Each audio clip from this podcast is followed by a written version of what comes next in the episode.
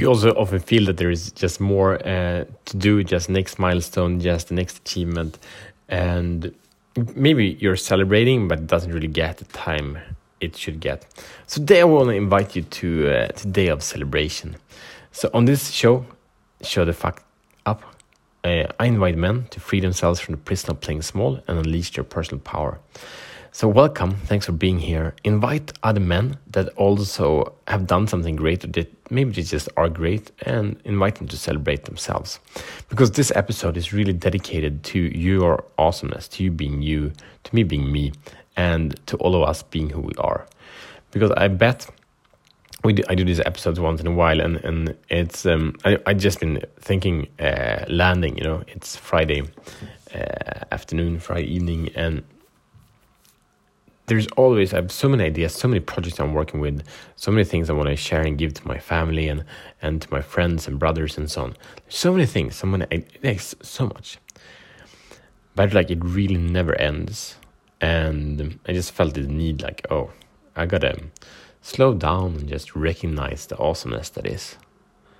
Because if I can't, like what I experience, if I can't recognize the awesomeness that is here and now, I will not be able to recognize the awesomeness that is when anything is achieved.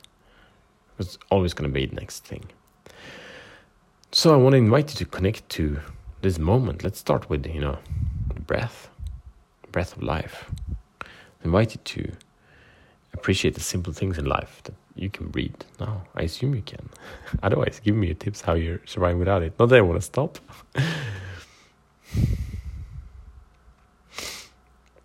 and and that's freaking awesome that we can do that, right? We can breathe. And so I want you to to give yourself recognition and appreciation for, for a body part of yours. You know, it might be your your ears listening now, or or your heart pumping, or your arms being able to to uh, hug a loved one, or lift a dumbbell, or whatever it is. Really amazing.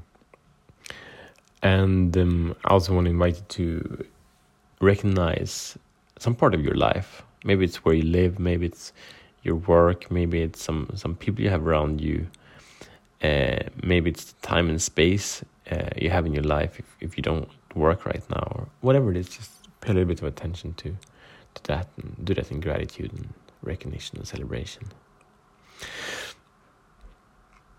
And I also want to uh, invite you to celebrate the opportunity that we have today to to spend time you and me together right now on maybe different parts of, of, of the country of Sweden or different parts of the world, and we can share and connect and meet people that we uh, we appreciate and, and trust, and we can connect in this way and and have all the opportunity of all the knowledge and all the mindsets, all the strategies are really so close available for us. Just if we have like a, a phone contract for a couple of uh, ten or twenty euros per month, right?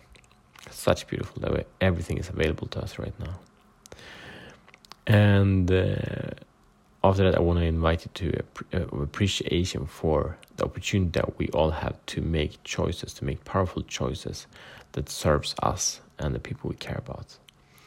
That we always have an opportunity to do uh, to level up and power up and charge uh, forward in what we believe is most valuable. Sometimes it can seem hard, but we always can do a little bit difference in the direction we seem valuable. Thank you. Thank you for joining this. And now, um, now we did that together, right? And now for your mission, if you choose to accept it, is really to to connect. And I want you to to list uh, five things that you're grateful for now that you how you have shown up. Doesn't mean that you have done something special, but how you have been. It can be that you you felt in a certain way, or that you came from a certain place when you were in a conversation that you showed up with love or compassion or patience or whatever it was. Something you appreciate. Doesn't need to be big. And and something you have also done, something you really done. Uh, I I just came into to after work.